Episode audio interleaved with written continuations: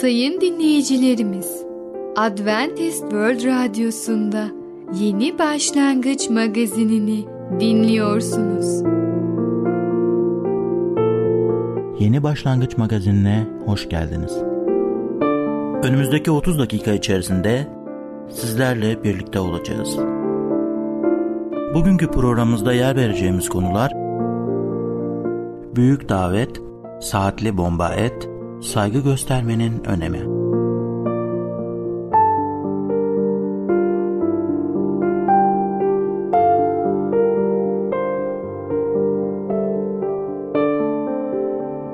Adventist World Radyosu'nu dinliyorsunuz. Sizi seven ve düşünen radyo kanalı.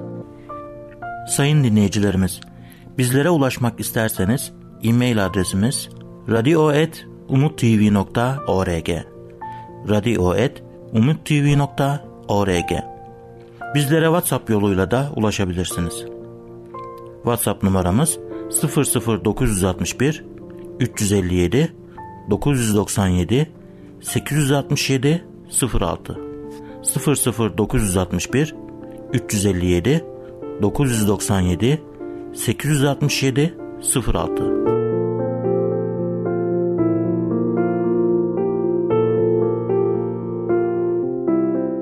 Merhaba değerli dinleyicimiz. Ben Tamer. Bereket Dağı'ndan Düşünceler adlı programa hoş geldiniz. Bugün sizlere büyük davet hakkında konuşacağım. İlk önce kutsal kitaptan Yakup 4. bölüm 8. ayeti okumak istiyorum. Tanrı'ya yaklaşın, o da size yaklaşacaktır. Değerli dinleyicimiz, Tanrı'nın yüreğinden kopup gelen bir çağrı, hayır bir feryat var. Üstelik yoğunluğu her geçen gün artmakta. Benim varlığım, huzurum olmaksızın niçin tatmin olmaktasınız? Benimle yakın ve işten bir ilişki içine girmek varken neden benden uzak kalmaktasınız? Hepimizin takdir ettiği ve kendilerine daha yakın olmak istediğimiz arkadaşlarımız veya insanlar vardır. Kalbimizde özel bir yere sahiptirler ve özellikle davet onlardan geldiğinde onlarla birlikte zaman geçirmek bizim için büyük bir ikramdır. Onların dostluklarını paylaşmaya yönelik bir davet bizleri beklenti, sevinç ve heyecanla doldurur. Davetlerini kabul etmek için ne gerekiyorsa onu sevinçle yaparız. Gelmiş geçmiş en büyük daveti Yakup kitapçığında buluruz. Yakup 4.8'de şöyle diyor. Tanrı'ya yaklaşın, o da size yaklaşacaktır. Bir an durup bunun üzerine derin düşünün. Evrenin, yeryüzünün ve içinde yaşayan her şeyin yaratıcısı sizin varlığınızı talep etmekte. Yalnız varlığınızı değil, sizinle yakın ve içten bir ilişki içinde olmaya arzulamakta. Çünkü ben kıskanç bir Rab, kıskanç bir Tanrıyım. Bunu Musa peygamber Mısır'dan çıkış 34. bölüm 14. ayette yazmıştır. Bu Tanrı'nın değişmeyen arzusudur. Davet eden kendisidir. Çünkü çocukları tarafından tanınmak ister. İnsanın günaha düşüşünden bu yana böylesi yakın bir ilişkiye giden yolu açmak binlerce yıla karmaşık hazırlıklara ve büyük bir bedele mal olmuştur. İsa'nın en yakın dostlarından olan Yuhanna şunları bildirmiştir. Yuhanna 1. bölüm 18. ayette. Tanrı'yı hiçbir zaman hiç kimse görmedi. Babanın bağrında en yakın yerde yani bulunan ve Tanrı olan biricik oğlu onu tanıttı, onu açıkladı, görebilecek bir konuma getirdi ve onu yorumladı ve bilinmesini sağlamış oldu. Değil mi? Adem Rabbi açıkça tanıyordu ama günahtan ötürü Tanrı'nın görkemli varlığından ayrıldı ve onun yazgısı tüm insanların yazgısı oldu. Artık erkek veya kadınlar Adem'in Tanrı'ya daha önce veya ilk başta gördüğü ve tanıdığı gibi göremez ve tanıyamaz oldular. Buna karşın baba büyük bir tutku ve şefkatle paydaşlığımızı bu korkunç ayrılıktan kurtarmayı arzuladı. Bunu gerçekleştirmek amacıyla İsa'yı gönderdi. İsa başlangıçtan beri Tanrı ile birlikteydi. Tanrı İsa'yı Rab olarak kabul ettiğimizde bizi kendisiyle barıştırmak ve karınlıktan özgürlüğe kavuşturmak amacıyla günahın cezasının bedelini ödesin diye insan oldu. Ancak Tanrı ile insanın bu yeniden birleşmesi ne yeterince duyurulmakta ne de tüm doluluğuyla yaşanmaktadır. Günah ve ölümden özgür olmaya vurgu yapmamıza karşın özgürlüğe kavuşmuş herkes bekleyen yakın ve işten paydaşlığı duyurmaya göz ardı ediyoruz. Tanrı'yı yakından ve işten tanımının güzelliğini kaçıran birçok kişinin bu gerçeği göz ardı etmesi oldukça pahalıya mal olmakta hatta felakete yol açmaktadır. İsrail'in Mısır'daki kölelikten özgür kılınmasıyla bizim günahın köleliğinden özgür kılınmamız arasında bir paralellik vardır. Tıpkı İsrail'in bir kiliseyi temsil etmesi gibi Mısır'da dünya sistemini temsil etmektedir. Yeniden doğduğumuzda zulüm ve baskının egemen olduğu dünya sisteminden özgür kılınmaktayız. İsrail halkının Mısır vatandaşları tarafından nasıl zalimce kullandıklarını ve kötü muamele gördüklerini hayretmek zor olmasa gerek. Sırtları Firavun'un görev amirleri tarafından kırbaçlarla yara bere içinde bırakılıyordu. Evleri gece konduydu ve Mısırlıların yediklerinden arta kalanları karınlarını doyurmaya çalışıyorlardı. Mısırlı efendilerin mal varlıklarını artırmak için köle gibi çalışmalarından dolayı gelecekte bir gün bir mirasa kavuşma umutları da yoktu. Firavun'un fermanıyla öldürülen binlerce bebekleri için acıyla gözyaşları döküyorlardı. Böylesine büyük bir zulüm altında acı çekmelerine karşın yaşadıklarını çarçabuk unuttular. Mısır'dan kurtulduktan sonra bile bazı şeyler yolunda gitmemeye başlar başlamaz Mısır'dan kaçıp kurtulduklarına pişman oluverdiler ve bizim için Mısır'da kalmak daha iyi olurdu. Benzeri yorumlarda bulundular. Kurtuluşlarına ilişkin alaycı bir tutum takındılar. Hatta daha da ileri gidip kendimize lider seçip tekrar Mısır'a dönelim demişlerdi. Ama Musa onlar gibi davranmadı. Aslında dünyada hiç kimsenin durumu Musa'dan daha iyi olamazdı. Musa dünyanın en varlıklı adamı tarafından büyütüldü, en yerde yaşadı, en iyi şeyleri yedi, en iyi şeyleri giydi, en iyi öğretmenler tarafından eğitildi.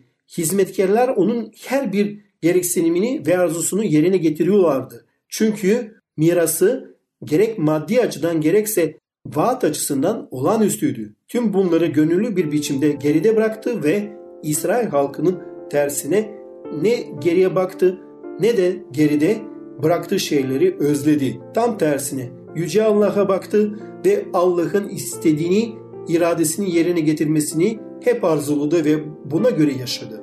Bizim için büyük bir örnek oldu. O Yüce Allah'ın davetini kabul etti.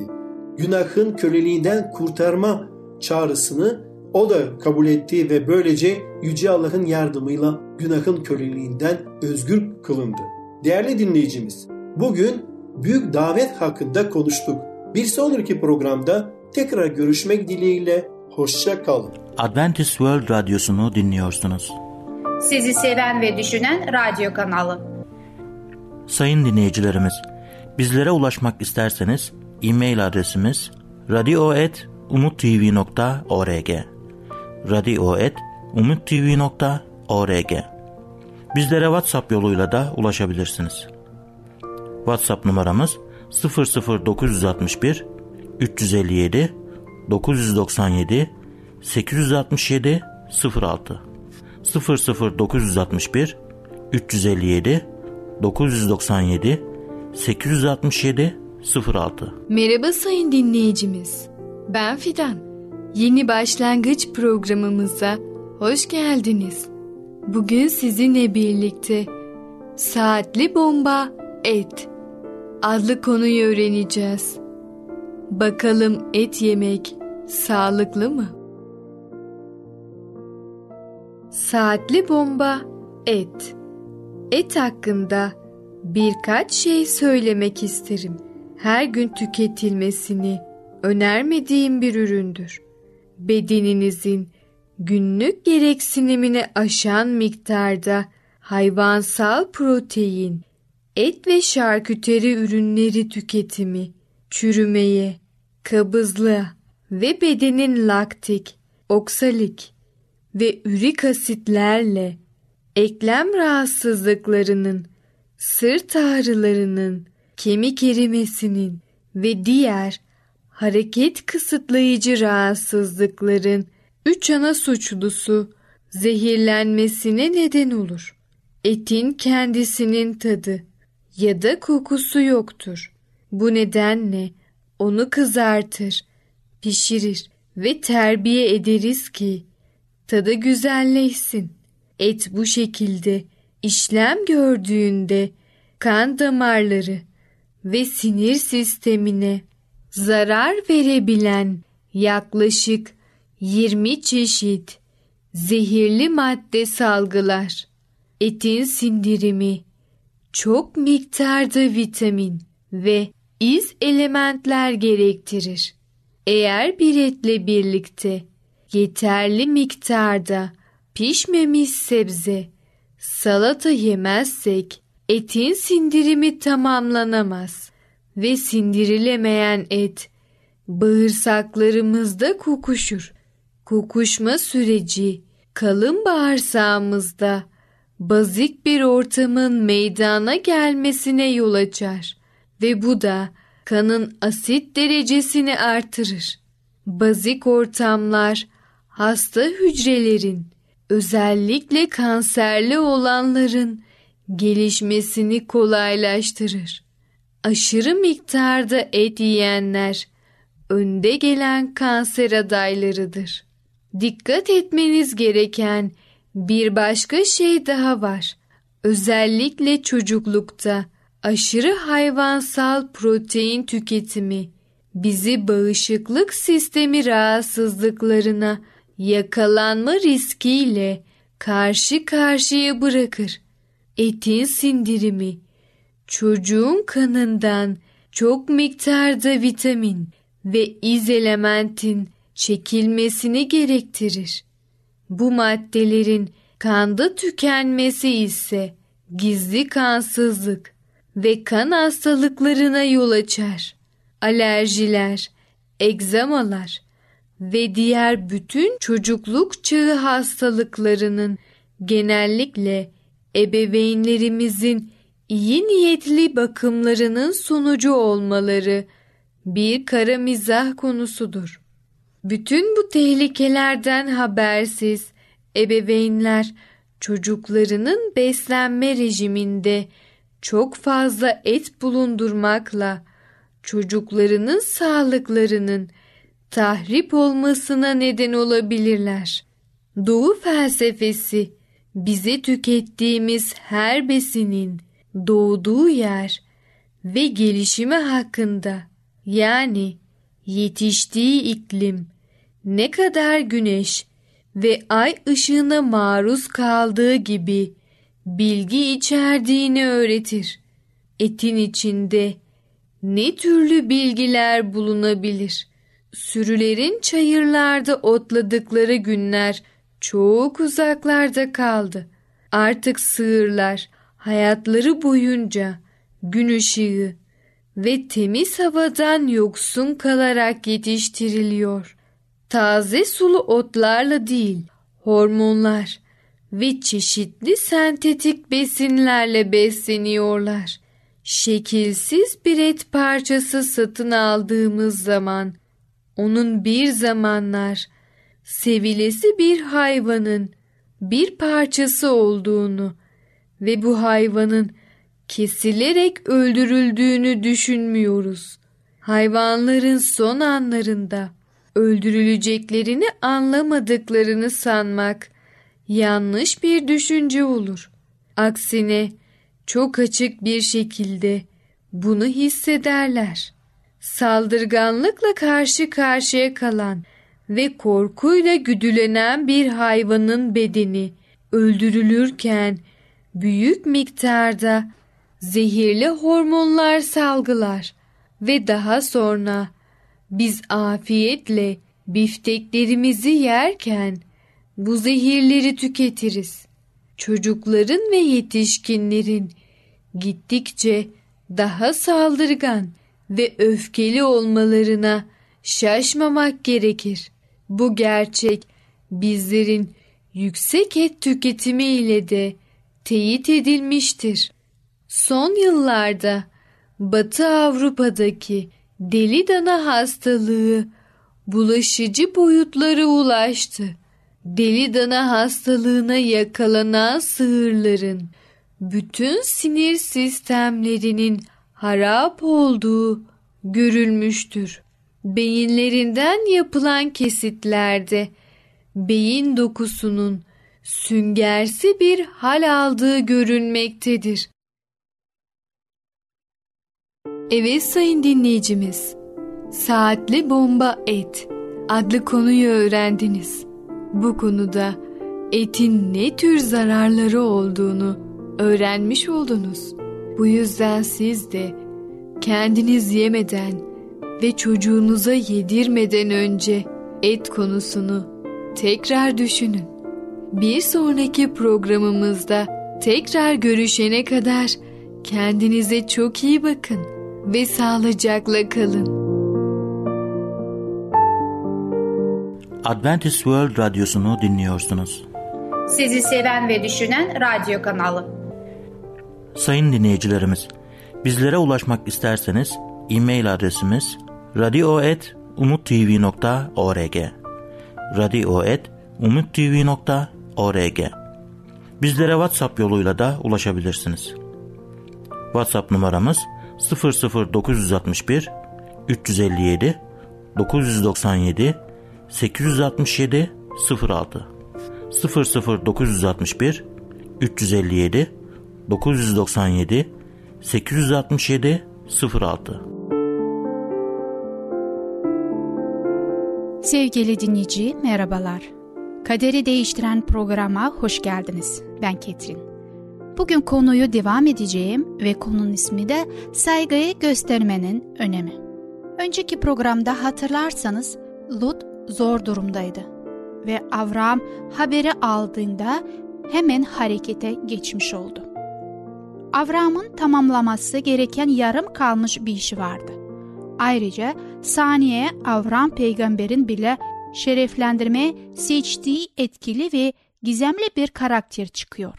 Evet, muhtemelen Avram'ın dahi öpüp başına koyduğu bir el 17 ve 20. ayetlerini okuyarak devam etmek istiyorum. Avram, Kadir Laomer'le onu destekleyen kralları bozguna uğratıp dönünce Sadom kralı onu karşılamak için Kral Vadisi olan Şafe Vadisi'ne gitti. Yüce Tanrı'nın kahini olan Şalem kralı Melkisedek ekmek ve şarap getirdi. Avram'ı kutsayarak şöyle dedi. Yeri göğü yaratan Yüce Tanrı Avram'ı kutsasın. Düşmanlarını onun eline teslim eden Yüce Tanrı'ya övgüler olsun. Bunun üzerine Avram her şeyin ondalığını Melkisedek'e verdi.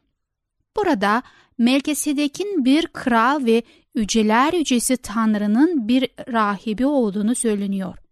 Bu çok ilginç bir rol. O aynı zamanda rahip olan bir kral. Kutsal yazılardaki pek çok kadim karakter için en azından biraz temel bilgi verilir. Ancak Melkisedek hakkında çok az şey söyleniyor. Annesi ve babasından bahsedilmiyor ve yalnızca adı belirtiliyor. Ancak adından ve ünvanından sıradan bir insan olmadığını anlaşılıyor. Eski İbranice'de Melkisedek sözcüğünün iki anlamı var. Doğruluk kralı ve barış kralı. Rahibin görevi uydurma dinlerde kötüye kullanılıp tarih boyunca yanlış anlaşılmış olsa da kadim zamanlarında rahibin rolünü Allah tayin etmişti. Allah'ın bir rahibi kendine Allah hizmetine adamış kutsal bir adam olmalıydı. Allah ile insan arasında aracılık yapmakla kalmıyordu. Aynı zamanda insanları Allah'a yakınlaştırma sorumluluğu vardı. Melkisedek'in unvanı olan Şalem kralı da son derece uygundu. Zira Şalem sözcüğü İbranice'de barış anlamına gelir ve barış olması Allah'ın arzusudur. Adin bahçesinde açıkça huzuru ortaya koymuştu. Tufandan sonra tekrar tesis etti. Ve son olarak Avram yoluyla vaat edilen soy ile gerçekleştirdi. Evet, Melkisedek Allah'ın gerçek bir temsilcisiydi. Melkisedek'in Avram'ı kutsamasından ve onu zaferinden dolayı Allah'ı hamd ederek yüceltmesinden sonra Avram Melkisedek'e sahip olduğu her şeyin ondalığını vererek şerefi iade etti. Yüz altını varsa onunu verdi. Bin koyunu varsa yüzünü verdi. Çok şeyden vazgeçmiş gibi görünüyor. Ancak Avram'ın Allah'la bir anlaşması vardı ve sahip olduğu tüm nimetler Allah'tan geliyordu. Yani aslında yüzde on çok küçük bir miktardı. Peki Avram neden Melkisedek'i şereflendirdi? Kral olduğu için mi? Bu bir tür vergi miydi? Aslında yanıtın hayır olduğunda kesin olarak biliyoruz. Kutsal yazılar aynı anda sahnede olan ikinci bir kraldan bahsediyor. Avram bu ikinci krala şeref vermedi ve kendisinin de onun tarafında şereflendirmesine izin vermedi. Öykü Yaratılış 14. bölüm 21'den 24. ayetlerinde devam ediyor. Sodom kral Avram'a adamlarımı bana ver mallar sana kalsın dedi. Avram Sodom kralına yeri göğü yaratan yüce Tanrı Rabbin yönünde sana ait hiçbir şey bir, bir iplik bir çarık bağı bile olmayacağıma ant içerim diye karşılık verdi. Öyle ki Avram'ı zengin ettim demeyesin. Yalnız adamlarımın yedikleri bunun dışında. Bir de beni destekleyen Aner, Eşkol ve Mamre paylarına düşeni alsınlar. Avram, Şalem kralının ve Sodom kralının yönünde duruyordu. Avram yüceler yücesi Allah'ın bir rahibi ve izleyicisiydi. Avram onu şereflendirdi ve kazandıkların onda birini verdi. Ancak pagan bir kral ve ahlaksız bir adam olan Sodom krallarından Avram bir kuruş bile almayacaktı. Anlaşılan krallığın ayrımı insanın karakteri ve rahiplik ünvanı kadar önemli değildi. Yalnızca büyük bir adam başkalarının üstünlüğünü ve kendilerinden başkasını şereflendirme gereğini fark edebilir. Kendisine hizmet edilmesini beklemektense hizmet etmeyi tercih edecek bir adam. Avram, Kral Melkisedek'i kendi üzerinde şereflendirerek Allah'ın şereflendirmesine layık olduğunu kanıtladı. Antik Sparta'da yaşamış Paidarotis adlı bir adamın öyküsü anlatılır. Sparta'yı yönetmek için 300 adamdan oluşan bir meclis seçilmişti. Paidarotos da aday olmasına rağmen adı son listede yer almıştı. Bazı arkadaşları onu teselli etmeye gittiler ancak o Sparta'da benden daha iyi 300 adam olduğuna memnunum dedi. Başkaları görmeleri ve şerefli yerlere getirirken kenara çekmeyi kabul etmesi sayesinde bir efsaneye dönüştü. Başkalarının katkısına değer verecek kadar alçak gönüllüydü. Alçak gönüllülük keşfe giden yoldur. Gurur yıkıma giden yoldur. Sevgili dinleyicin, gururun sizin yaşamınıza gemi enkazına çevirmesine izin vermeyin. Aksine kendinizi alçaltarak şerefe layık olanları onaylayın. Avram'ın yaşamında şereflendirme layık bir rahip kral vardı.